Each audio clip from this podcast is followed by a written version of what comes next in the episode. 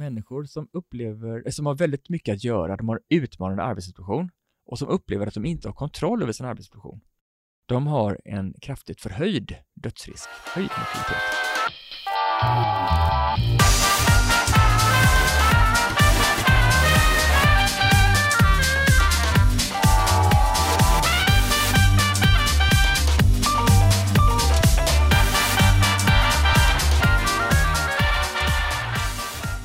Hej och välkomna till Business Hacks. Idag har jag med mig en av mina stora förebilder, David Stjärnholm. En person som jag har lärt mig otroligt mycket av, som har lärt mig att bli fantastiskt effektiv och produktiv i min vardag. Och det känns väldigt, väldigt kul att ha dig David som eh, första gäst i Business Hacks. Så varmt välkommen hit! Tusen tack! Vilken ynnest för mig. Ja, verkligen. Mm. Och eh, du är ju Sveriges enda struktör. Mm. Men vad är det för någonting? En struktör är ju en person som hjälper andra att eh, få mer tid över till det som är viktigt i sitt arbete genom att lära dem att arbeta mer strukturerat de dagarna. Just det. Och för de som inte känner dig sedan gammalt, jag tänker att många har läst dina böcker och varit på dina föreläsningar. För de som inte känner dig sedan gammalt, mm. kan du ge mig en kort resumé över hur du blev Sveriges enda struktör? Jag blev ju struktör eftersom jag själv behöver struktur. Alltså jag är både tankspridd och disträ och lätt distraherad. Jag har gjort de allra flesta av de där strukturmisstagen som som jag ser att folk, och vi alla råkar ut för väldigt lätt. Och jag, ehm, eh, men det började väl för sådär en 16-17 år sedan kanske, någonting. Eh, att jag hade ett arbete då där jag hade flera olika roller och jag hade väldigt mycket att göra. Jag tänkte på jobbet hela tiden. Jag kände mig aldrig riktigt ledig och stressade mycket och sådär. Och jag blev less på det och tänkte att det måste finnas ett bättre sätt att göra detta. Att arbeta helt enkelt. Och då fann jag både verktyg och metoder som gjorde stor skillnad för mig i min arbetstillvaro. Och jag trodde ju länge att det var jag som, att det var bara jag som, som hade behovet av detta. Alla andra verkar funka så bra. Men, eh, men det gick rätt fort upp för mig att det var också många andra som behövde bra struktur, eller de flesta av oss mår ju bra av att ha god struktur i vår arbetsvardag. Så de senaste 15 åren så har jag rest land och rike runt och talat med människor. Jag har utforskat detta ämnet och jag har talat med människor om hur vi kan då förenkla våra arbetsdagar med hjälp av god struktur. Ja, mm. och du har skrivit, är det två böcker nu?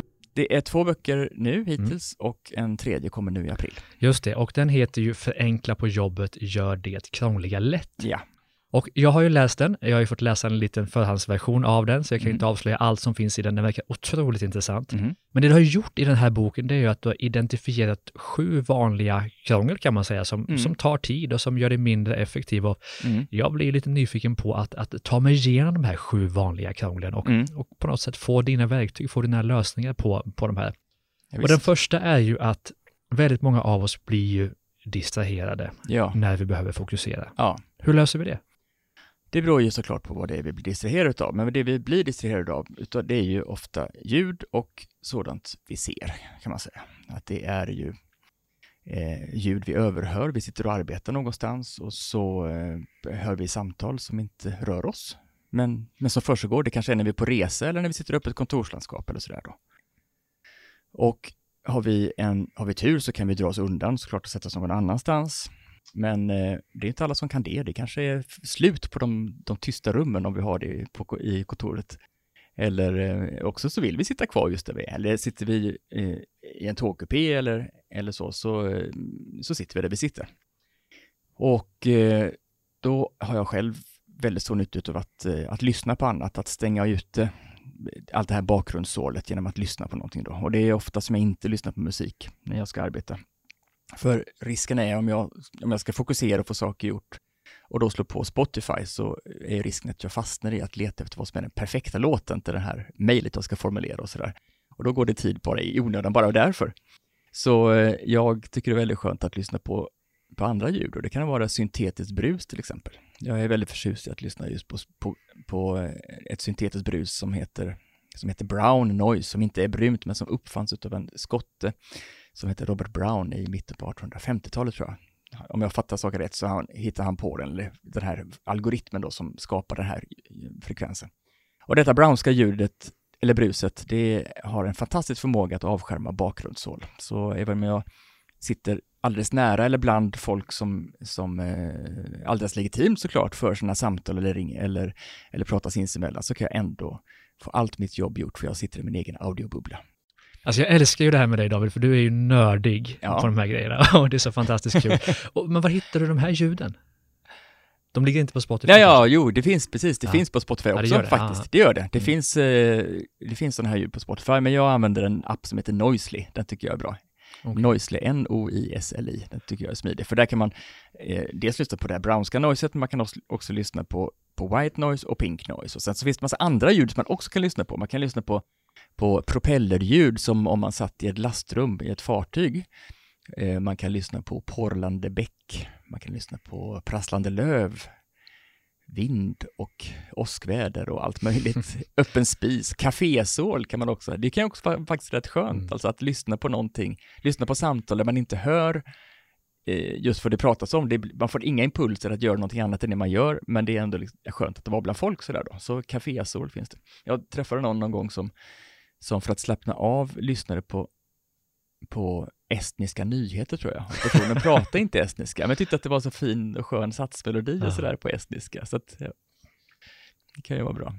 Och då har du vanliga headsets på dig eller vad har du på dig? Ja, personligen, jag kör ju sådana här Bose-lurar som ja. har eh, aktiv brusreducering och sådär. Det, då blir det extra skönt tycker jag. Men, men, eh, men det är situationer också när jag inte har sådana, utan det, det funkar bra med vanliga, vanliga också. Mm.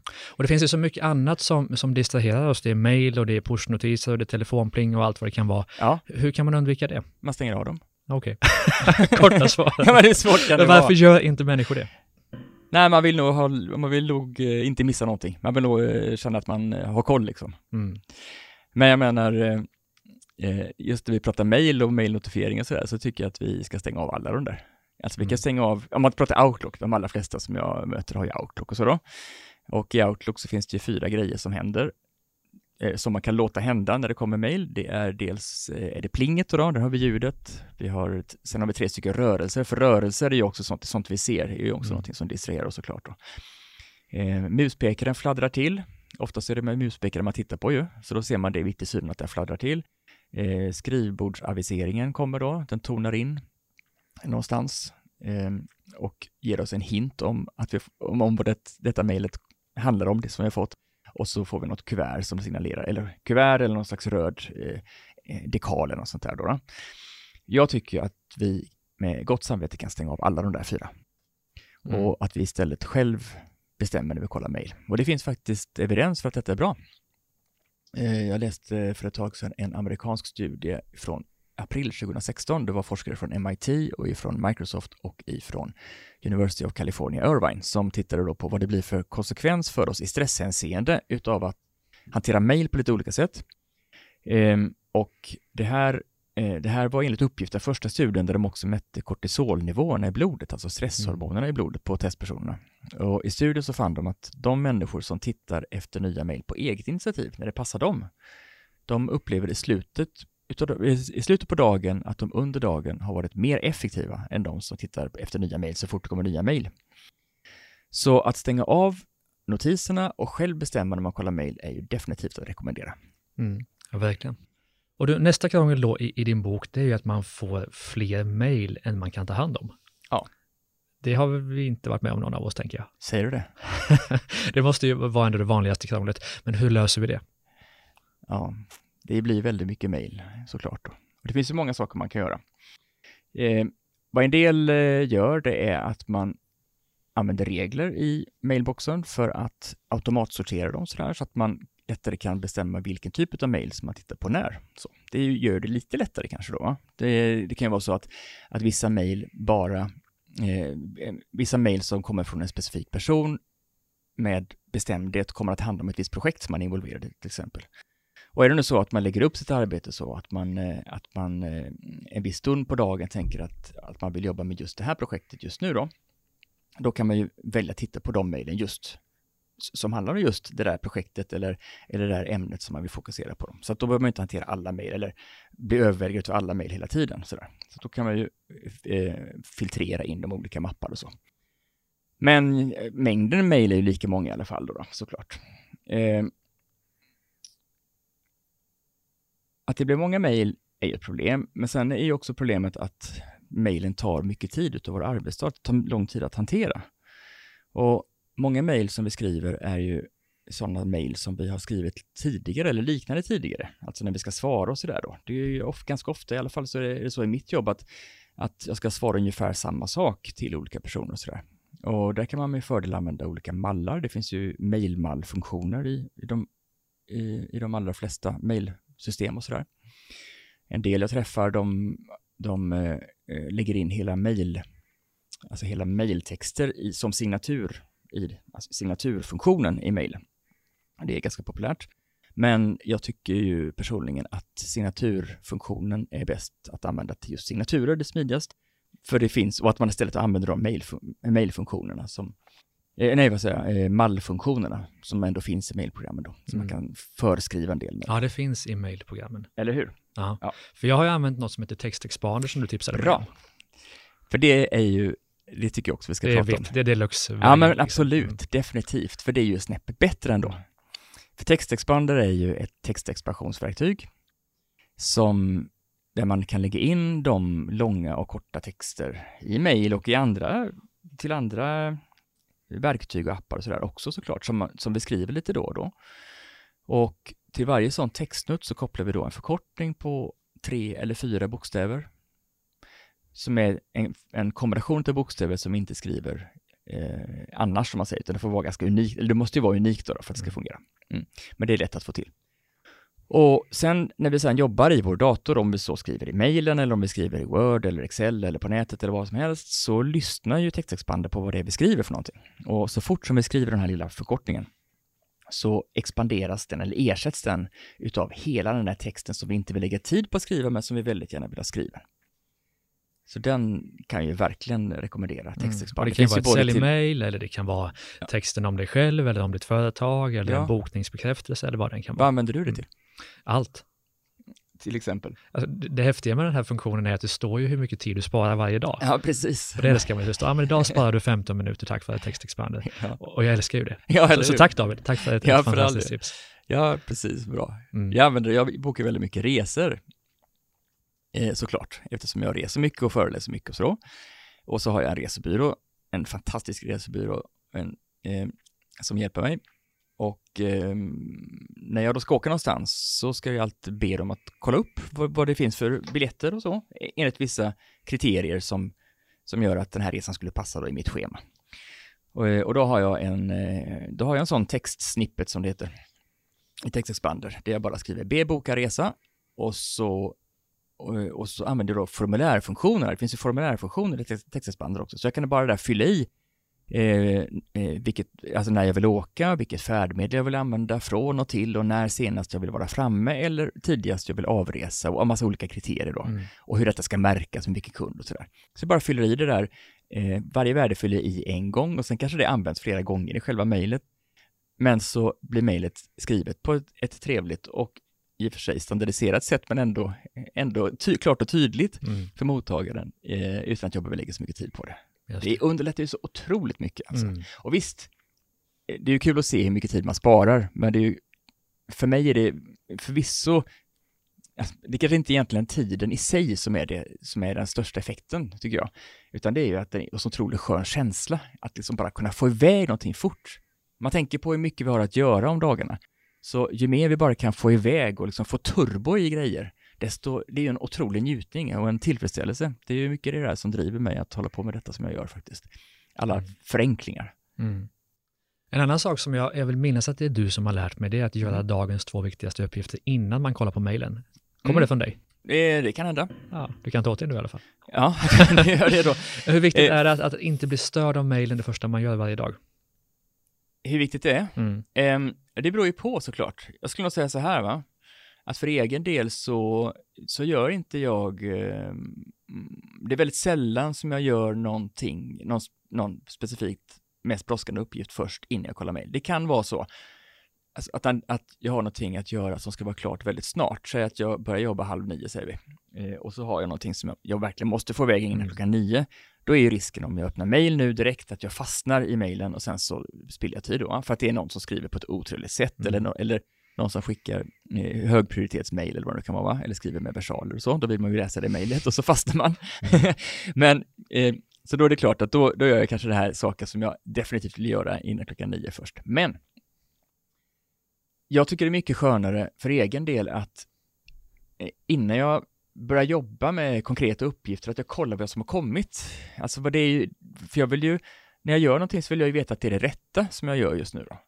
Det kan ju faktiskt vara så att jag får ett mejl som som innebär att jag ska göra någonting väldigt fort, men som jag inte vet förrän jag kollar mejlet. Mm. Alltså. Så att jag vill ju, jag skummar ändå igenom alla mejlen först, det är det som har kommit sen sist då.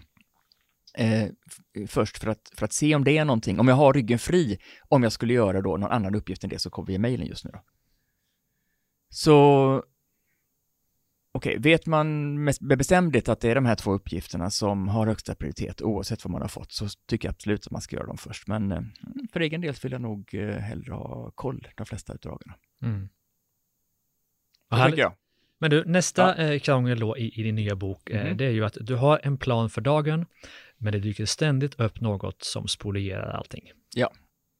Och är det så ständigt så är vi kanske inte så bra på att ha en plan för dagen eller bra på att estimera eller förutspå hur mycket vi kommer hinna. En del av oss vi är väldigt ambitiösa och kanske är vi tidsoptimister och tänker att vi borde hinna så mycket grejer. Men eh, då behöver vi eh, omvärdera vår plan. Vi kanske ska ha mycket lägre ambitioner. Om det är nu så att vi har ett, ett roll, en, en roll eller ett jobb eller en verksamhet där det dyker upp saker som, som ska med rätta ha högsta prioritet ofta. Liksom och att det kommer på uppstuds. Att det är ofta många viktiga och brådskande saker. Vi kan prata om prioritering lite senare kanske. Men att det ofta är sådana saker. Då behöver vi ha, då behöver vi inte, eller kan vi inte planera vår dag så tajt så att den spricker hela tiden. Det är ju, visst man kan göra det, man kan tycka att man borde, borde hinna allt detta, men gör man inte det så kan man ju välja mellan att antingen känna sig, känna att varje dag blir ett nederlag eller också kan man anpassa sig efter det då. Eh, men är det så att planen spricker hela tiden, många som jag träffar, de, de blir avbrutna av andra då, eller andra vill att de ska göra saker. Särskilt om man är chef så vill man ju förmodligen vara tillgänglig för sina medarbetare mycket. Det är ju en del i ledarskapet såklart, då, att vara tillgänglig och att kunna att bistå och kunna hjälpa till och sådär. Va? Ehm, och blir vi avbrutna mycket så, så att vår plan spricker så behöver vi ju eh, behöver vi dels omvärdera om de sakerna som kommer verkligen har högsta prioritet, bara för att de kommer just i det här formatet, att det kommer genom en person som, som, som kommer till oss just på dagen. Eh, det är kanske inte är så att allting måste göras med en gång bara för att det kom nu direkt. Och Så det är en sak man kan göra. Men vi behöver också då medvetet eller tydligt göra oss otillgängliga eller göra oss ostörda på något sätt. Då. Och är vi ett kollegium eller flera stycken medarbetare som arbetar tillsammans så för de allra flesta, så, de allra flesta behöver ju någon gång under dagen eller med regelbundenhet få ostörd tid. Och om vi nu alla behöver ostörd tid så kan vi ju göra en gemensam sak i detta och eh, tillsammans bestämma ostörd tid som vi alla har. Jag hade, eh, jag var, eh, hjälpte en organisation som, där de beskrev sig själva i kollegiet då, som en flock måsar som flaxade omkring på dagarna och spred sin skit något drastiskt och en, en självbild kanske inte alla väljer att ha. Men alltså är det i så mått att de, att de eh, man sprang in till varandra hela tiden, eller ofta, och, och hade sina olika saker och sådär. Och, så, så det var väldigt svårt att få, väldigt svårt att, att få ostörd arbetstid och så. Men de inrättade vad de kallade sen för, för måsfri timme varje okay. morgon. Mellan 9 och 10 så hade de måsfritt. Då, satt, då var alla tvungna att sitta på sitt, på, vid sitt skrivbord då, då, och sitta still och så springer man inte till någon utan man gör liksom sina egna grejer. Så. Vilket gjorde att, att alla kunde planera efter detta då. Hade man, säg en timmas ostörd tid, man behöver, eller en massa uppgifter som man verkligen behöver vara ostörd för att göra, så la man dem klockan nio på morgonen, för då visste, visste man att man hade man en timme då det åtminstone inte skulle komma någon, då det åtminstone inte skulle komma någon kollega som, eh, som, som vill att jag ska göra någonting annat än det jag håller på med. Mm. Ja, visst finns det något som heter viktigt bråttom-matrisen också? Som viktigt bråttom-matrisen finns. Mm. Hur funkar den? Ja, men det har de flesta hört. De flesta har hört att man ska skilja på vad som är viktigt och bråttom. Mm. Men eh, saken är den att eh, bland de som jag träffar så är det alldeles för få som har definierat vad som är viktigt. Mm. För eh, de som jag träffar, det är ju alla ambitiösa. Du vet, alla de där som vill mycket, alla vi som vill långt och göra bra ifrån oss, allt det där och känna stort ansvar och så. Och för oss som är ambitiösa så blir det väldigt lätt eh, så blir det väldigt lätt väldigt mycket som är viktigt, för vi har ett jobb som vi trivs med och en verksamhet som vi vill att den ska lyckas och sådär. Så allt som har med verksamheten och jobbet att göra, det blir viktigt. Sen har vi också ofta en värdering om att man ska vara hjälpsam och hygglig. Så är det någon som behöver hjälp med någonting så är det viktigt. Sen har vi våra kollegor eller medarbetare som vi är anställt eller så om vi är företagare. Ehm, vi vill hålla oss väl med våra kollegor och medarbetare. Vi vill ha en bra samarbetsklimat i organisationer och sådär, vara en bra chef och så. Så allt som har med dem att göra, det är viktigt. Och sen har vi våra kunder. Hade vi inte haft några kunder hade vi inte haft någon verksamhet alls och inte något jobb heller för den delen. Så allt som har med kunderna att göra, det är viktigt. Så att allt blir liksom viktigt. Så många fler behöver definiera vad som är kriteriet för att någonting är viktigt. Och då är min eh, tes att det som är viktigt, det är det som bidrar till de mål som vi har bestämt oss för att uppfylla. För eh, vi sätter mål, vi definierar någon slags långsiktig vision förmodligen, vart vi ska på lång sikt och så för att se till att vi tar oss dit och för att vägleda oss så att vi faktiskt når till den här visionen så sätter vi upp mål i det kortare perspektivet och i mer och mer detaljerad grad i verksamheten. Ner så nära rollerna, våra respektive roller som möjligt. Och då tycker jag ju att målen också borde avgöra vad det är vi lägger tid på, på dagarna.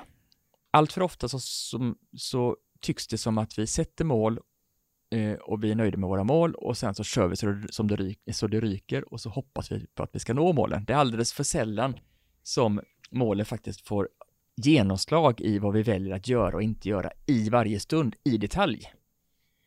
Så därför så är det så otroligt värdefullt och avgörande för vem som helst av oss, oavsett vad vi arbetar med och oavsett vilken position vi har, att vi har definierat för oss själva åtminstone, och helst för våra kollegor och i samråd med vår chef såklart, vilka mål som just ska ligga till grund för just min prioritering i min vardag. Mm. Och då kan man använda viktigt bråttom Precis, det var dit du skulle komma. Det var dit skulle komma. precis, för då måste man, just det, för bråttom och viktigt-matrisen, mm. den kan man ju använda Eh, men har man inte bestämt sig vad som är viktigt så blir ju allt bråttom i alla fall. Mm. Det är det som är grejen. För då går man i så fall på känsla och då blir allting bråttom.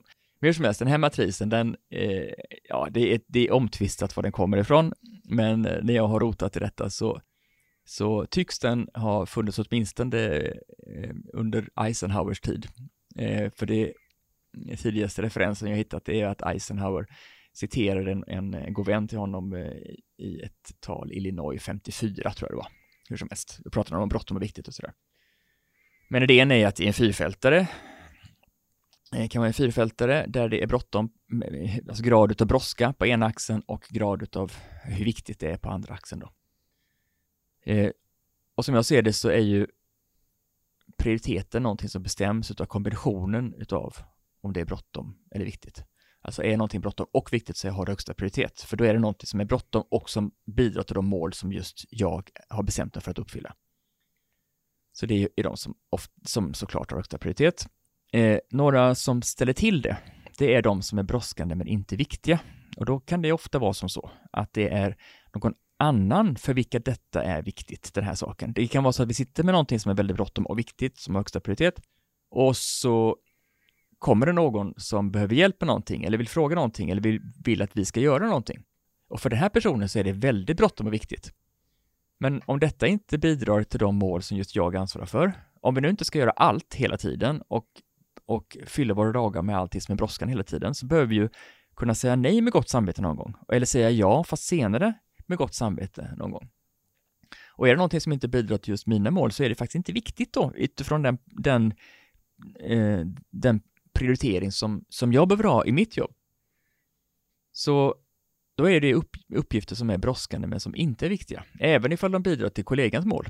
Mm. För för kollegan så är det viktigt. Så där så ska de, om man nu ska vara krass, så ska de komma som, så ska de ha lägre prioritet än de här andra som är brådskande och viktiga. Men det beror också på, för det finns också undantag när vi faktiskt eh, ändå behöver göra de här brådskande och inte viktiga sakerna först. För det kan ju vara som så att kollegorna ansvarar för ett mål som väger tyngre för verksamheten som helhet än just det målet som jag ansvarar för. Det kanske är en kund eller något sånt där som vi, som vi står och faller med i verksamheten. Jag arbetade nu i, i veckan med ett, eh, ett eh, läkemedels eh, ett läkemedelsföretag som är i sån här hypertillväxt. De producerar saker då. då. och för dem så är ju produktionen är ju liksom, det är det som måste funka. Är det stopp i produktionen så kvittar det vad man arbetar med. Man behöver hjälpa till i så fall för att, för att mm. få igång produktionen igen, för det går, det kostar så mycket för verksamheten och så. Så, att, så där behöver man hjälpa till även om det inte är något som just bidrar till målet som man själv ansvarar för, utan kan man bidra så bör man göra det. Eh, det kan ju vara som så också att det här hjälpen som man ska ge någon går väldigt fort. Har vi åtta timmars brådskande och viktigt arbete framför oss och så kommer det någon person som behöver hjälp en sekund eller fem minuter eller en kvart eller sådär, så är det ju både smart och gynnsamt för verksamheten som helhet om vi hjälper den här kollegan då, så att den kommer vidare och så hinner vi säkert jobba in den här kvarten och ändå hinna våra högst prioriterade uppgifter innan dagen är slut. Mm. Men det jag upplever att, att många företagare lägger minst tid, det är ju på det som är viktigt men inte bråttom just nu. Ja, eller hur? Och vad kan det vara? Strategiarbete? Det kan vara strategiarbete, precis. Det kan vara långsiktigt arbete. Personlig utveckling. Personlig utveckling kan det vara. Det kan vara förbättringsarbete. Alltså detta med att man upplever att någonting är krångligt eller borde vara bättre, men man hinner liksom inte rätta till det nu, så man fortsätter att göra det på det krångliga sättet i alla mm. fall. Och hur ska man få det här gjort? När det handlar om sånt som är viktigt och inte bråttom, som är sånt man tenderar att skjuta upp, så kan man reservera särskild tid för det. Om det nu är viktigt så är det ju fint om vi kan få det gjort med god framförhållning, så vi kan ju avsätta tid för, att, för långsiktigt arbete. Alltså tid då vi drar oss undan så att vi inte heller får frågan om att göra någonting som är brådskande. Ehm, tid som vi lägger på timmar där vi vet att vi inte blir avbrutna så ofta, där chansen är kanske mindre. Vi kan dra oss undan rent fysiskt och sådär också. Ehm, så att blocka tid i kalendern eller planera in tid för det är ju någonting som är definitivt att rekommendera för de här sakerna. Särskilt om det handlar om saker som inte automatiskt det blir tid till då. då. Jo, men när det handlar om saker som det inte automatiskt blir tid till så finns det lite knep man kan till då. då. Eh, man kan blocka tid i kalendern såklart. Men eh, för många av oss så lever kalendern ofta ett eget liv. Liksom, det fylls på i kalendern som med automatik på något sätt. Vi bokar in saker i kalendern, möten och sånt där och andra bokar oss i kalendern eller andra kallar oss till möten och så. Rätt som det är så finns det inte tid, alltså tid till sånt som inte är brådskande kanske. Då, men om man då skulle blocka tid i kalendern för allt som inte är brådskande och sen så eh, också där ha massa kalenderbokningar i form av möten och, och, och, andra saker. Så kommer vi snart misslyckas i alla fall, för så fort som det kommer någonting nytt som dyker upp och är kalendern full, då behöver vi ju, då kommer vår plan att spricka i alla fall, för då har vi planerat för tajt ändå. Så vi behöver planera mer flexibelt. Och då är det två verktyg i synnerhet som jag och mina klienter har haft stor nytta av. Och det första verktyget, det är ett verktyg som jag tog fram i, tillsammans med en klient som heter Magnus. Magnus, han hade en expertroll i sin organisation, vilket innebar att han han eh, blev inkallad till massa olika projektmöten hela tiden. Alla ville att Magnus skulle komma, för Magnus var så bra på den här grejen. Så han fyllde sina dagar med att sitta i massa möten som han egentligen inte behövde sitta i, men han blev inkallad till dem. Ja, hur som helst. Han började skapa mer tid för detta. Och då hittade vi på vad vi kallar för ett 15-spel med hans mötestid. Med 15 spel, de här gamla 15 spelen när man hade 15 brickor i en 4x4 matris i plast. Numrerade 1 till 15 som låg i oordning så man skulle liksom dra sådär. Eh, jag kommer ihåg de här? Nej, nej det kommer inte ihåg dem, nej. Du är för ung kanske. Ja. ja, ja, hur som helst. Vi struntar i metaforen då. Men, men eh, metoden funkar i alla fall så här. Att eh, Magnus fick bestämma sig för Eh, hur många timmar varje vecka han behövde till sånt som inte det automatiskt blir tid till. Och då var det för honom 10 timmar.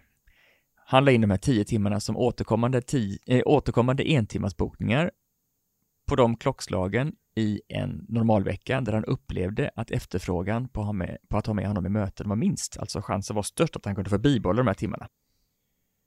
Han skapade en egen kategori till de här timmarna så att de blev svarta, så detta blev Magnus svarta timmar och sen satte han upp regler för sig själv som innebar att om det kom då en mötesförfrågan på en svart timme så fick han flytta den här timmen. Han fick inte ta bort den, men han fick flytta den, det var helt okej, men bara inom befintlig vecka.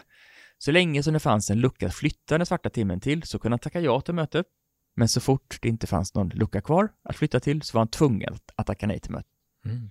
Så det var hans sätt att hela tiden liksom skydda dessa svarta, välbehövliga timmar. Inte alltid eh, på eh, samma klockslag som de var inlagda från början, men åtminstone i befintlig vecka. Och det här funkade fint för honom efter ett tag. Från första början så var han inte van vid detta riktigt och då första veckan så gick det inte riktigt. Han var tvungen att boka in någonting i alla fall och andra mm. veckan gick det lite bättre, men från tredje veckan och framåt sådär så har det funkat fint. Och detta är något som jag har tillämpat eller delat med mig av till många andra klienter efteråt och det brukar funka väldigt bra om man nu håller sig till detta då, om man håller sig till de här reglerna. Mm. Finns det andra sätt att undvika att hamna i möten hela dagarna? Ja, det andra knepet som jag själv har stor nytta av det är att jag använder en mallkalender eller en schablonkalender. Alltså, vi har ju vår vanliga kalender sådär, den ordinarie kalendern i kalenderappen. Men jag har också en parallell kalender som visar hur jag skulle vilja att mina dagar var. jag undrar just vart jag hade snott det verktyget, men det var från dig också. Alltså var det hela, hela mitt liv bygger på dig, David. jag hoppas att vi någon kanske, gång att, du, att kanske... du säger någonting som jag har lärt dig. Nej, nej, du, det kan vi prata om i en annan podcast. Det, har, det finns mycket där. Men du, eh, du har kanske kommit på detta parallellt. Mm. Men hur som helst, inget är nytt under solen såklart. Nej. Men Eh, Eh, nåväl, så att eh, jag har en mallkalender. Jag har haft den i flera år faktiskt. Och när jag började använda den så såg inte mina dagar ut, och mina veckor framför allt, ut så som mallkalendern såg ut. Men över åren så har den blivit allt, har mina riktiga veckor blivit allt mer så som i mallkalendern. Och nu matchar den väldigt bra, får jag säga. Men eh, mallkalendern visar hur hur jag skulle vilja att, att dagarna såg ut, alltså olika dagar kan ha olika karaktär kanske. För min egen del så eh, är måndagarna eh, kontorsdagar för mig.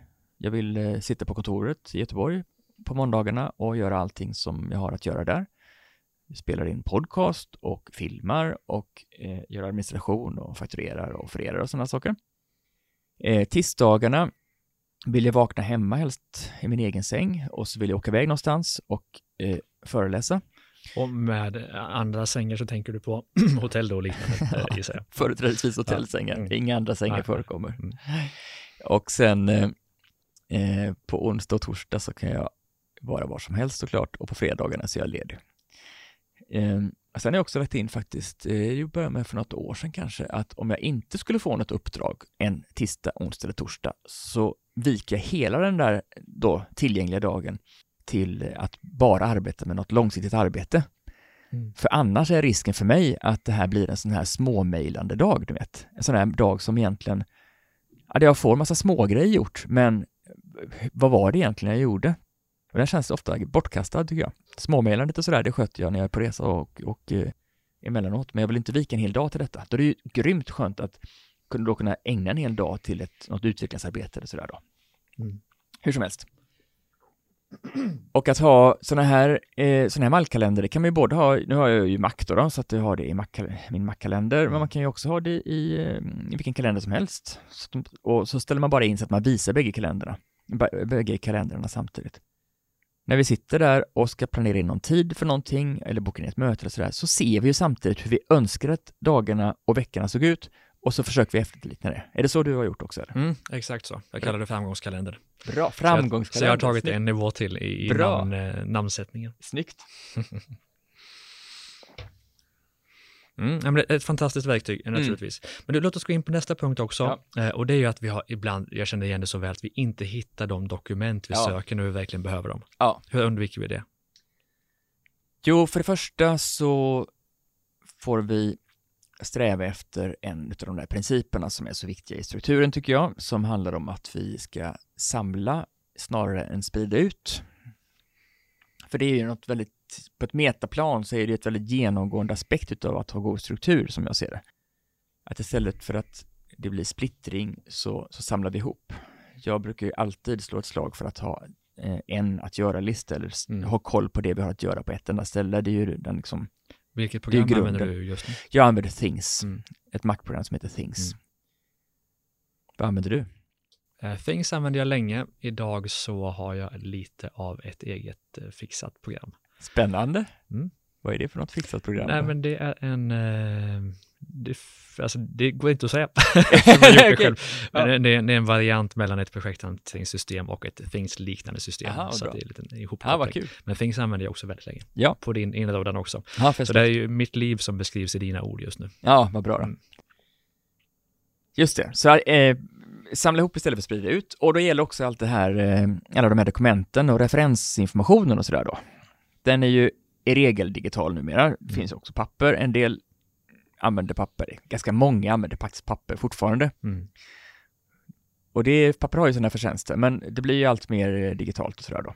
Och vad man först kan göra det är att man, att man kan faktiskt eh, göra en, en kartläggning på var man har dokument någonstans. För jag menar, i dessa molntjänsters tid så blir det lätt dokument eller sån här bra att ha information, så kanske inte dokument, men som är information som ligger, som är vital information som ligger i något verktyg eller system eller någonstans. Det kan vara ett projekthanteringsverktyg eller sådär. Så där tycker jag att det är värdefullt att göra en karta på detta. Alltså, okej, okay, vad har jag? Vilket material någonstans? Och så kan vi sträva efter att få det till färre ställen då. Och här kanske vi inte kan samla upp alla ställen till ett ställe och det vill vi inte heller, för det är bra att ha eh, referensinformation tillgänglig där man ska göra saker och då kan ju det vara någon annanstans än där man alltid är, så, alltså i, mm. rent digitalt då. Men att åtminstone veta var man har någonstans och varför någonting ligger på ett visst ställe. Det är ju vettigt att ha en nulägeskarta på något sätt och sen ifrå ifråga sig, eh, ligger det utav samma sort på flera platser här? Eller, och, och ska jag därför samla ihop det? Eller ligger de på rätt plats? Jag kanske ska ha de här olika platserna då? Jag tycker att eh, ibland så tänker jag på den här dokumentlagringen som som, ehm, eh, vad ska man säga, en hel, som en blåbärsskog. Mm -hmm. ja, jag tycker att det behöver utvecklas. Ja. ja, det gör det kanske. Det är en långsökt metafor, men ändå. Ja, men alltså, eh, jag tycker ofta att, eh, eller jag ser ofta att vi sparar samma sak på många olika platser. Alltså, som rara blåbär i, utspridda över en hel, en hel skog. Alltså okay. man får ju springa och leta efter de olika blåbären, man vill mm. hitta samma grej. Är, man vill ha det perfekta blåbäret många gånger som man kan samla ihop till en enda korg då, men det ligger mm. spritt massa olika platser. Så det kan man ju akta sig för då. Så när man gör sin karta så kan man titta på, okej, okay, har jag utav samma sort på något sätt på många platser? Och vad kan sort vara? Ja, men sort kan ju vara dokument som handlar om ett visst ämne eller visst projekt eller visst del av verksamheten eller så. Eller också kan det vara, eh, jag menar, säg råfiler från, eh, från eh, videoinspelningar eller ja, var lägger vi det någonstans? Eller mm. pdf som, som är eh, eh, dokumentation till föreläsningar, åhörarkopior. Jag har ju massa åhörarkopior till exempel då, eftersom jag föreläser så pass mycket. Ligger de på massa ställen eller har jag samlat dem så att det mm. finns ett mm. självklart ställe för åhörarkopiorna?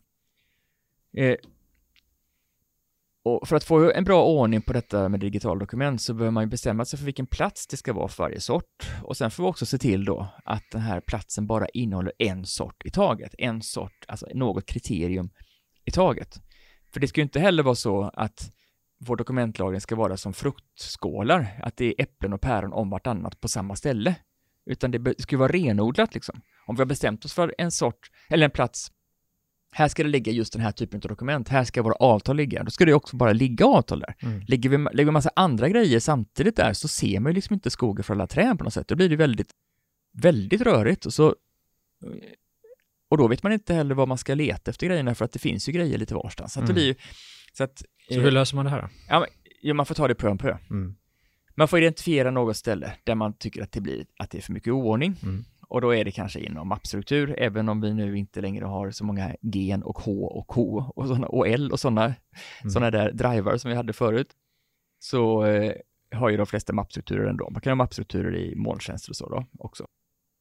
Och jobbar vi i en stor verksamhet så kan vi inte på, förändra hela mappstrukturen i en, i en handvändning och det får vi kanske inte heller göra.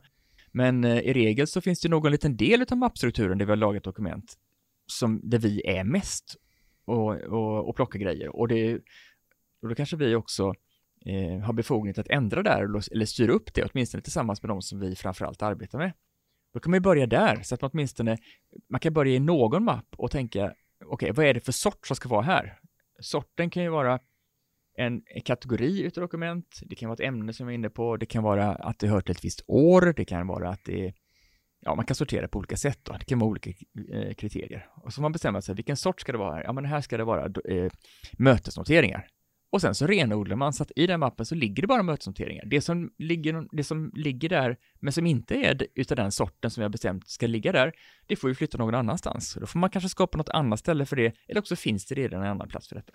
Och det här är ju ett digert arbete, men man kan göra det pö om pö så att det över tid blir blir lättare och lättare att hitta och lättare och lättare att stuva undan fort också, så att man inte behöver lägga så mycket på datorskrivbordet. För mm. det är mm. också ofta en, en nödlösning. Mm. Det är där man hamnar. Det kan vara en bra indikation på att man inte har dokumentlagringen så bra. Mm. Om man känner sig nödd och tvungen att lägga det på, mm. på datorskrivbordet för att mm. inte det ska försvinna liksom. Just det.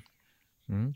Ja, men spännande. Ja. Men du, nästa krångel i din nya bok, mm. det handlar ju om att det ofta blir stressigt på slutet, strax innan deadline. Ja. Och, och, naturligtvis känner jag igen mig i det. Ja. Kortfattat, hur undviker vi det? Jag tycker att här behöver vi ha bättre framförhållning då. då. Hur får man bättre framförhållning? Mm. Vi behöver ju se på ett lättare sätt när saker ska vara klara. Det är en grund då. Mm. Jag tycker att det används tidslinjer alldeles för lite här i världen. Tidslinjen tycker jag är ett väldigt bra verktyg för att få perspektiv på när saker händer i relation till andra saker. Gantt-scheman och sånt där finns det. Och har vi eh, för vana att arbeta med Gantt-scheman så får vi ju liksom en tidslinje där och en uppfattning om när saker ska ske och så. Men det är ju inte alla av oss som är bekväma eller vet, eller vana vid att arbeta med Gantt-scheman och så. Och tittar vi i kalendern så tycker jag att det är svårt att få riktigt bra överblick i kalendern om man tittar liksom för att få, för, för att se hur långt det är kvar. Visst, man kan mm. bläddra fram och tillbaka och, och räkna många, oj, jag räknar många veckor som, eh, som det är kvar och när någonting ska ske och sådär. Men tidslinjen tycker jag, eh, en tidslinje borde man använda mycket mer. Och det gör man i ett program då? Eller i man kan göra det i program. Eh, två ställen säger vi då, eller två varianter. Eh, själv så använder jag papper och penna här. Jag tycker mm. det är härligt med papper och penna när det gäller, gäller att få perspektiv på det sättet. Mm. Eh, så att jag har en, eh, en rulle ritpapper som jag köpte i någon sån här hobbyaffär, Panduro typ. Ehm, och där har jag rullat ut då så att jag har eh, kanske fyra meter per år eller något sånt där. Som jag rullar ut på golvet på mhm. kontoret och så ritar jag upp en hela året där och så delar jag in det i tolv månader och sen så, detta gör jag i början på året då. Så, eh, så markerar jag upp alla milstolpar under året. Jag markerar upp när jag arbetar och inte arbetar så att jag vet när jag inte kommer vara tillgänglig. Jag eh, Eh, gör också en linje på hur min konjunktur brukar vara eller hur min arbetsplatsen brukar vara. Så att, jag, så att det blir, blir mer tydligt för mig än annars när jag kommer utrymme till utvecklingsarbete och sådär. För min egen del så vet jag ju att från mitten på mars ungefär nu då och till, till jul när jag inte arbetar, alltså när jag inte är ledig så är det fullt ja, vad säger man, det är fullt sjå, eller det är liksom fullt, det är fullt ös är det. Eh, så det är ingen idé att jag försöker göra nya saker då. Mm. För det är liksom leverans och det är, eh, det är då som alla vill att jag ska föreläsa. Men däremot första kvartalet så brukar det vara lite mindre, mindre föreläsningar och då, då är det då som jag kan lägga utvecklingsarbete. Mm. Eh, så den där, den där uppdaterar jag då och då. När det kommer några nya grejer, när det händer några nya stora saker som kommer att dra resurser för mig i tid räknat, så ritar jag in det i tidslinjen. Och eh, när jag gjorde detta första gången så tänkte jag att det kan ju inte vara så, jag menar, ja, hur kraftfullt blir det? Jag vet ju ungefär hur ett år ser ut, men det har varit så otroligt värdefullt för mig att, att få det också visualiserat på ett tydligt sätt. Mm. Det går faktiskt eh, Eh, saker blir än mer tydliga, tycker jag. Nu är jag kanske visuellt lagd och sådär då, då. Men, eh, men om man känner igen sig i det, den som lyssnar, så kan jag verkligen slå slag för tidslinjer på papper. Men man kan ju vilja ha det digitalt också. Mm. Och då tycker jag att det saknas bra verktyg för eh, digitala tidslinjer. Det borde komma någon app för det. Jag har inte hittat någon och är det någon som hittat någon så får de gärna höra av sig till mig för jag vill veta. Men vad jag däremot har hittat eh, det är eh, en ett verktyg som är utvecklat vid ett universitet. Jag tror att det är Northwestern University i USA som har tagit fram ett, eh, ett verktyg som heter Timeline faktiskt. Väldigt logiskt ord, mm det heter Timeline. Nightlab finns det ett, eh, okay. ett, ett labb där som heter, de har, heter det Timeline? Ja, jag tror att det heter Timeline. Mm. Eh, googlar man på Nightlab, alltså och inte, inte Nattlab utan Night som är knäckt, Mm. eh, Nightlab och Timeline så kommer man hitta då ett, eh, ett open source-verktyg där man, eh, som man får använda, där man med hjälp av ett eh, Google Drive-kalkylblad kan, som finns en mall då som man kan ladda hem hos dem, lätt kan skapa, kan lägga in massa milstolpar och sen så eh, får man en, eh, en inbäddningsbar tidslinje som är digital och då eh, scrollbar och sådär, som är jätte, som blir, gör att det blir väldigt fint som man kan använda då eh, för att mer digitalt få en översikt över var man står någonstans. Det tycker jag är bra. Mm. För att För visst är det svårt att få översikt både på mobilen och på datorn. Ja. Det, finns, det är därför jag gillar de gamla alltså skrivbordskalendrarna. Då kan man bläddra fram och tillbaka och det finns en översikt. Det är jättesvårt eh, digitalt. Precis, ja, jag tycker det är, det är synd faktiskt. Men du, apropå något helt annat. Ja. Eh, vi möter ju företagare dagligen, du och jag. Ja, Och det vi hör varje dag är ju, det är mycket nu, jag har för mycket att göra. ja, Kan vi inte bara lösa den en gång för alla? det gör vi. Nu har du chansen. Nu har jag chansen. Ja, men vi får, behöver ju rannsaka oss själva vad vi verkligen har rätt målsättningar i så fall. Alltså, har vi för mycket att göra så, eh, så kanske vi, det kan ju vara så att vi strävar för långt för fort. Alltså vi tar, vi gapar efter för mycket. Om vi nu ska både balansera eh, ha en verksamhet som, eh, som mår bra och sådär och själva mår bra och kunna hålla i längden så behöver vi ju eh, så behöver vi kalibrera så att vi faktiskt strävar efter, till, efter lagom mycket då. då. Mm. Och det, är ju kanske vara, det kan vara svårt att veta hur mycket arbete ett visst mål tarvar och hur mycket det, det krävs utav oss för att nå ett visst mål. Men där behöver vi ofta omvärdera om vi behöver ta hjälp utav andra.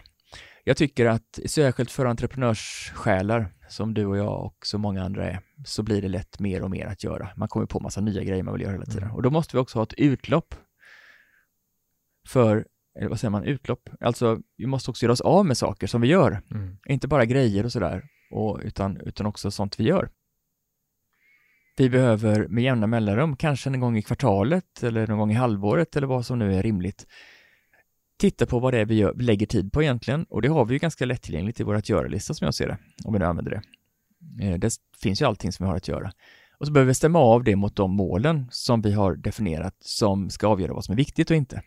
Och så får vi leta efter saker som faktiskt inte är viktigt, alltså som, inte, som vi kanske brukar göra, som vi alltid har gjort eller som vi har gjort under lång tid och som vi tänkt att det här är bra. Som inte längre bidrar till de mål som vi har bestämt oss för just nu då. då. Det är kanske ändå någonting som ska göras i verksamheten och så, för det är någonting vi har utvecklat och som nu har hamnat i någon slags förvaltningsläge och som ändå måste göras, för det vill vi. Men det kanske inte är just vi, det kanske inte är just du som är grundare som ska göra detta. Nu är kanske rätt tillfälle att anställa någon ny, eller nu är rätt tillfälle att ta hjälp av en assistent och så. Det finns ju virtuella assistenter man kan använda om man inte hittar någon eh, i ens närhet som kan hjälpa en och sådär. Mm. Här måste jag flika in, för du har Ja. lärt, mig, du har lärt mig mycket. Eh, ett verktyg som vi kallar för ta bort, eh, delegera, automatisera och effektivisera. Kan du inte bara berätta kort vad det är för någonting? Ja, alltså jag har ett verktyg som är ett renodlingsverktyg då, Mm. som handlar om att vi, att vi renodlar eh, vår arbetsbelastning då. Och då är det, då funkar det som så att vi eh, tydliggör för oss själva vilka mål vi har då, vilka mål vi har satt. Jag har det som detta som en, eh, eh, som en, blan, eh, en blankett eller ett arbetsblad. Mm. Vi kan ju faktiskt eh, dela med oss utav det där. Absolut. Ja. Den hittar man på eh, strukturboken.se renodling. Strukturboken.se renodling. Där hittar man en pdf som är nedladdningsbar alldeles gratis och god. Som man kan använda detta till. Och, eh, och då tydliggör vi, vi vilka mål som vi har ansvarar för, som vi bestämt oss för att vi ska uppnå. Och sen så är det tre stycken boxar där som heter då säkert inte, förmodligen och definitivt. Och allt det där vi har att göra, det pytsar vi ut i de här tre boxarna. I definitivboxen lägger vi sånt som definitivt bidrar till målen, alltså är det detta som är det viktiga. Här bortser vi från brådska, utan vi tittar bara på vad som är viktigt och inte. Och så där är de viktiga sakerna i definitivboxen. Den, de låter vi vara så länge, för det är de som vi ska göra. Sen har vi då, alla har vi ju en hel packe uppgifter i förmodligen-boxen. Det är sånt som förmodligen bidrar till målen. Vi ser ingen koppling mellan att vi når målen och att vi gör, eller att vi, att vi gör uppgifterna och att vi når målen, men detta är ändå någonting som vi förmodligen behöver göra för att verksamheten ska kunna fungera. Då, då. Eh, de här kan vi de här behöver vi förmodligen göra, men ju mer vi kan automatisera de här uppgifterna som ändå vi vill göra, även om de inte bidrar till målen, desto, desto bättre, desto mer tid har vi till de som definitivt bidrar till målen. Så här kan vi leta automatiseringar. Den sista boxen som är den som är mest intressant när vi nu har för mycket att göra, det är den som heter säkert inte-boxen, alltså de uppgifter lägger vi där som säkert inte bidrar till de mål vi ansvarar för. Och de här ska vi försöka göra oss av med. En del kan vi sluta att göra rätt av, för de kanske inte ens har ett värde längre. Det är kanske sånt vi gjort som vi gör för att vi brukar göra det. Och det är liksom bara att gå på rutin. En del av oss har lätt för att fullfölja rutiner som vi har bestämt oss för. Då kan vi sluta göra de där. En del är sånt som vi kan outsourca. Vi kan anlita någon annan som gör de här sakerna. Och då kan vi köpa in den här uppgiften, eller det här, eh, den här, det här arbetet ifrån någon annan så att vi frigör tid till oss själva. Och sen så är det en del som vi kan delegera till någon annan. Till någon annan internt då.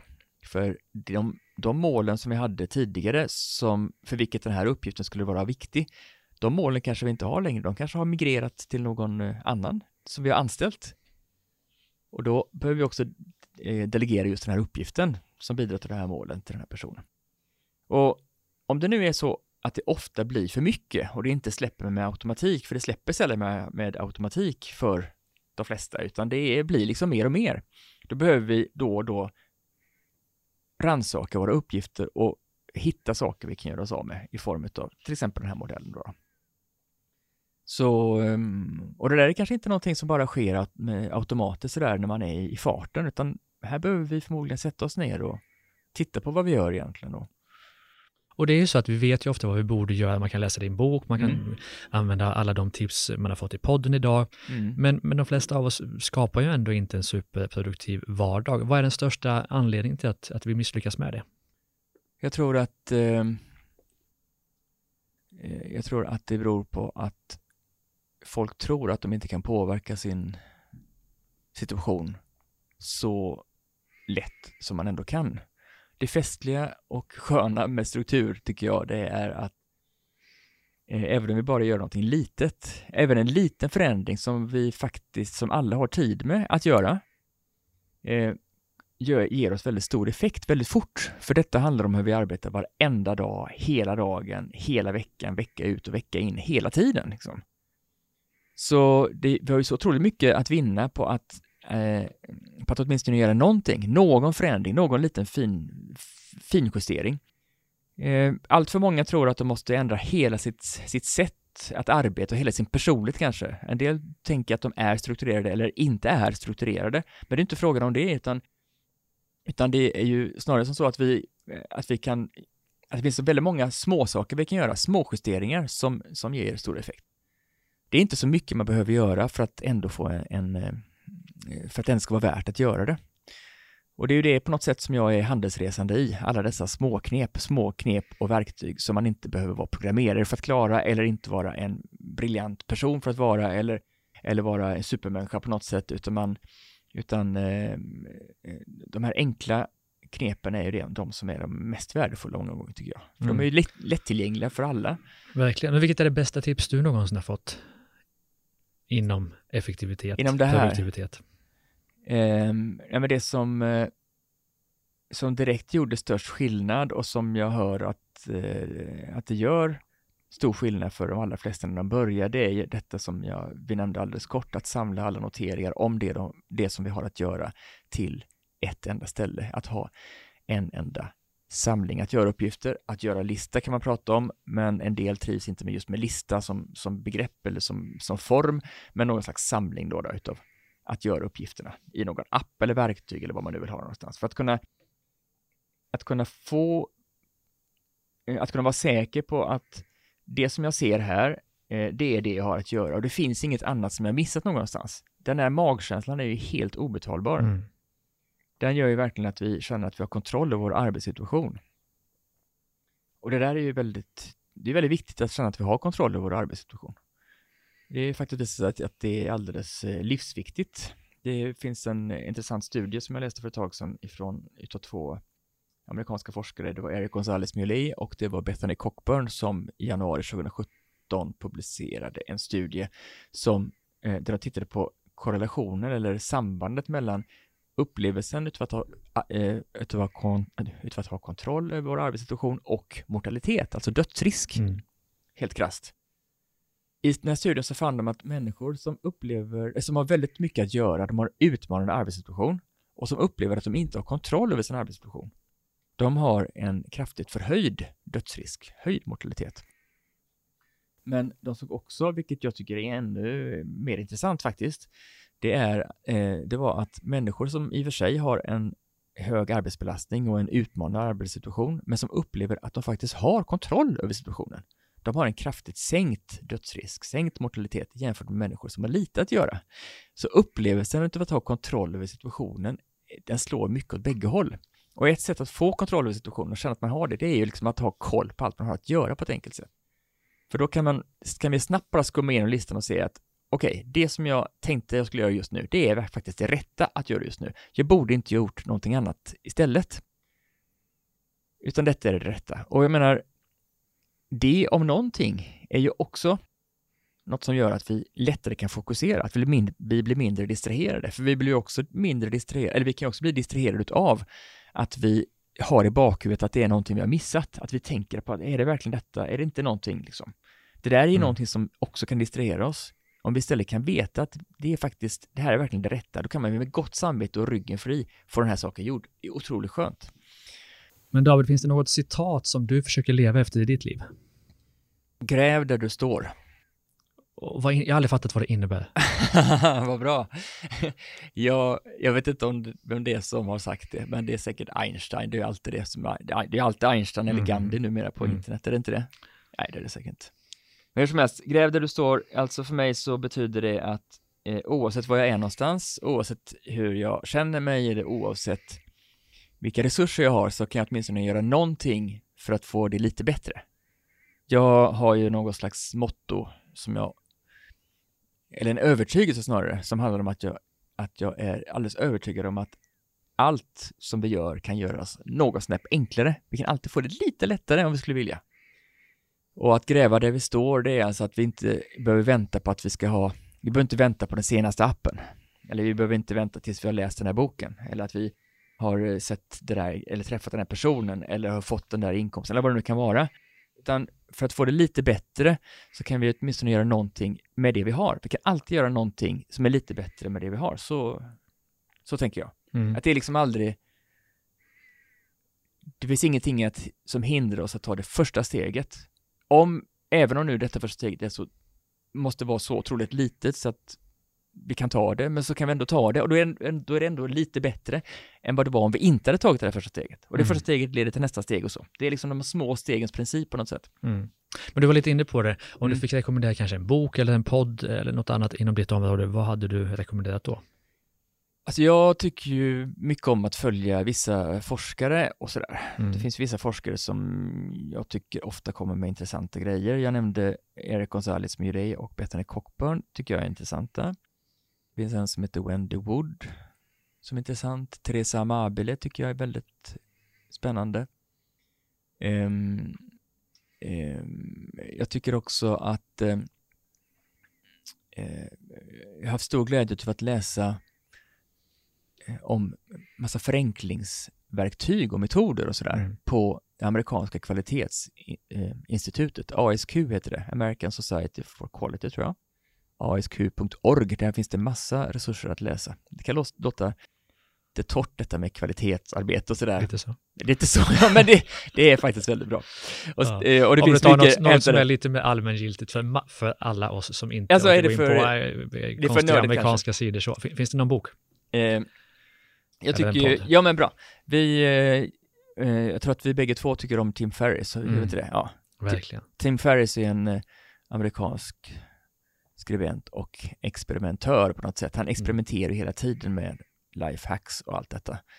Och han, in, han har, ju, har ju både en, en podd som är väldigt lyssningsvärd tycker jag.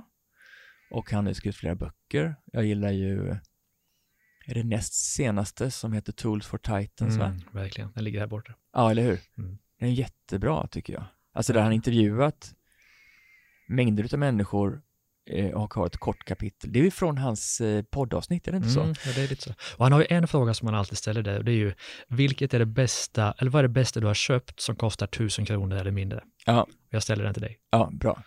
Och just nu så är det Adobe Premiere Pro. Mhm. Jag är väldigt förtjust i att göra videos just nu. Kul. Och den, det är en prenumeration och än har inte det kostat tusen kronor. Mm. men ger det några månader till så har det gått över tusen, men Ja, hittills. Jag tycker att det är ett fantastiskt verktyg och det är verkligen någonting jag är nyfiken på att lära mig mycket mer om just nu. Ja, exakt. Men därför på Tim Ferriss också, har du Ja. något favorit, alltså life hacks eller business hack som du vill dela med dig av? Någonting väldigt allmänt tycker jag, det är att, eh, att märka upp saker Mhm. mycket mer. Att liksom etikettera och märka upp. Vi pratade tidigare om att lägga saker, eh, dokumenten och sådana saker. Eh, att, eh, att ha en plats för varje grej och då får man märka upp också det. Eh, eh, etikett, använd fler etiketter och skyltar och, och namnge mappar och allt sånt där så tydligt som möjligt. Det tycker jag är toppen. Eh, sen så måste jag ju slå ett slag för kits. Jag älskar ju kits. Vad är det för någonting? Olika kit. Ja, kit. Ja. Ja, och så okej. är det i plural så blir det kits. Och då, blir, då är ju det alltså den här grejen att samla ihop det som allt jag behöver för ett visst aktivitet Mhm. på ett ställe i ett någonting som förmodligen är bärbart, så typ en, ja, en, en väska eller necessär eller sådär, där allting som jag behöver för just den situationen finns tillgängligt. Det är ju toppen liksom Mm. då gör man det så lätt som möjligt. Man väl ska göra en grej, så har man, har man bara detta kittet så har man allt man behöver precis just då. Man behöver inte lägga tid på att springa och leta efter grejer eller samla ihop grejer eller så, utan allting är förberett. Det är som att förbereda, att göra det så lätt för, sig, för sitt framtida jag som möjligt. Mm. Det är ju en väldigt fin omtanke detta, tycker jag, en självomtanke på något sätt, att man för, man för eh, eller tänker efter vad jag skulle behöva i ett viss situation och sen så förbereder jag allt för mig själv där till den situationen. Och när jag är i den situationen, när jag kanske har ont om tid eller vad det nu kan vara, så finns allting klart redan. Jag har, eh, jag har gjort några videos faktiskt där jag visar några av mina kits, vad jag har i dem. Jag har något, ett kit för, som jag använder när jag föreläser och ett, och ett andra kit också när jag ska eh, spela in grejer och sådär då. Så, så att eh, det finns att se om man skulle vilja se vad jag har i mina kit. Mm. Berätta bara, eh, fredagarna i ditt liv, vad innebär de? De innebär eh, fritt flanerande på stan med min hustru, arm i arm. Varje vecka? Ja. Det är också ett, en struktur i ditt liv. Det är det. Fantastiskt. Frufredag kallas det. Det är underbart. Mm. Du, är det någon fråga som du känner att jag har glömt att ställa som du tror kan vara nyttig för lyssnarna? Hur man kan, ja, var hittar man eh, en massa struktur och så? Och Ja, massa knep. och var hittar man det? Jo, men får man mer smak och, och, kring detta med struktur och vill Mm. få massa mer så hittar man det hos mig på min sajt.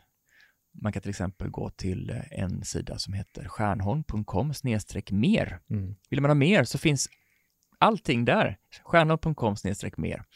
Och så finns jag också i en YouTube-kanal där jag varje vecka postar nya videos.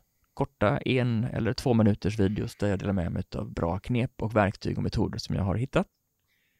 Eh, Det finns eh, 81 videos där nu att ta del av om man skulle vilja. Mm. Det är fantastiskt. Mm. Vem tycker du att jag borde intervjua i Business Hacks? Jag tycker eh, att du borde intervjua en eh, retoriker som heter Erik Mattsson Mhm. från Uppsala som jag tycker är fantastiskt skicklig i, på det han gör. Han står för mig för tydlighet och stringens och eh, elegans.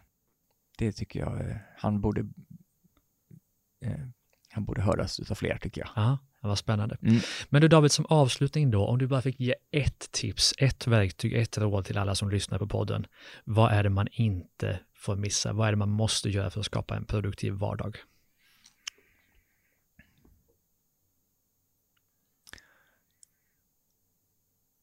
Då säger vi så här då, vi har redan nämnt att samla ihop allting till ett ställe och så, Mm. alltså att göra uppgifterna. Så det, det är självskrivet. Men vad man definitivt bör göra i den här intensiva vardagen som vi har, det är att ta själv kontrollen över ens tillgänglighet och inflöden. Att själv bestämma när vi kollar mejl och kollar andra inflöden. Att själv bestämma när vi är tillgängliga och inte. Att själv bestämma vad vi gör, när och var och att bygga en struktur som stödjer detta. Alltså att, att bestämma sig för ställen som passar bra att göra just en viss sak eller stunder som passar bra att göra en viss aktivitet. Eller under vilka förutsättningar behöver jag som, som mest, eller vilka förutsättningar behöver jag för att kunna göra någonting så enklast som möjligt. Vilken, ja, det var konstig meningsbyggnad, men du förstår vad jag menar, alltså att, att skapa den strukturen som gör att du själv är den som, som bestämmer när, när du får impulser att göra andra saker, alltså minska distraktionerna, stänga av eh, notifieringar och allt sånt där. Det är du som bestämmer, det är inte andra, annat och andra som bestämmer vad du ska göra. Fantastiskt. David, jag skulle bara vilja nämna en sak som avslutning. Mm. I fjol så bjöd jag in dig till en fest hos oss ja. och du kunde inte komma tyvärr, vilket jag var eh, väldigt ledsen för. Men som enda person, och jag tänker att det är ingen annan i världshistorien som kommer göra detta igen och du är den enda som gör det, det var att du skickade ett vykort och tackade nej. Ja. Och det har aldrig hänt i mitt liv innan. Och på något, på något sätt så säger det väldigt mycket om dig som människa. Att ah. Du gör det ordentligt, du Trevligt. gör det på ett, på ett härligt sätt och eh, du är en fantastisk person som har betytt väldigt mycket för mig. Så att, Roligt att varmt höra. tack för att du ville komma och vara min första gäst i eh, Business Hacks. Det var med glädje. Tack. Härligt. Tack så mycket. Tack. Snipp, snapp, snut, så var avsnittet slut och jag tror verkligen att de här tipsen kommer göra avgörande skillnad för både dig och mig. Du följer våra tre poddar, Starta eget-podden, Business Hacks och Ordinary People Who Do Badass Things, där du följer andra poddar, till exempel på iTunes, Podcaster eller på driva-eget.se. Och vi avslutar den här goa feelingen med musik ifrån Soundry. Y también tu piel en el mismo party, pero otro ser. Estabas más buena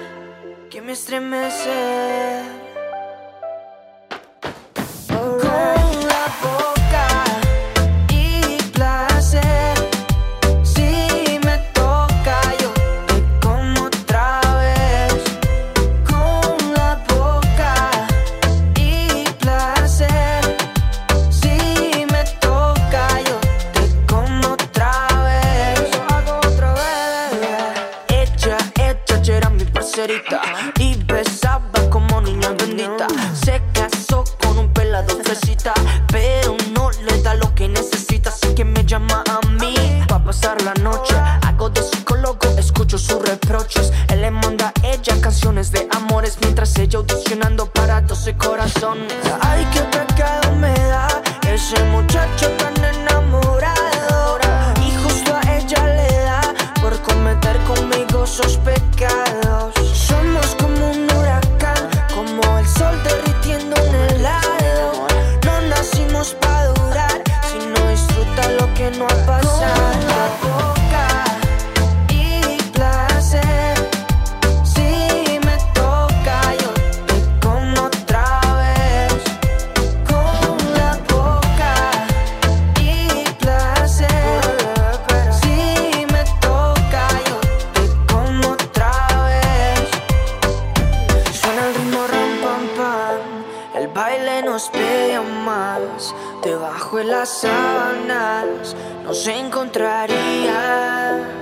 Suena el ritmo ram pam Vamos pa' una ronda más.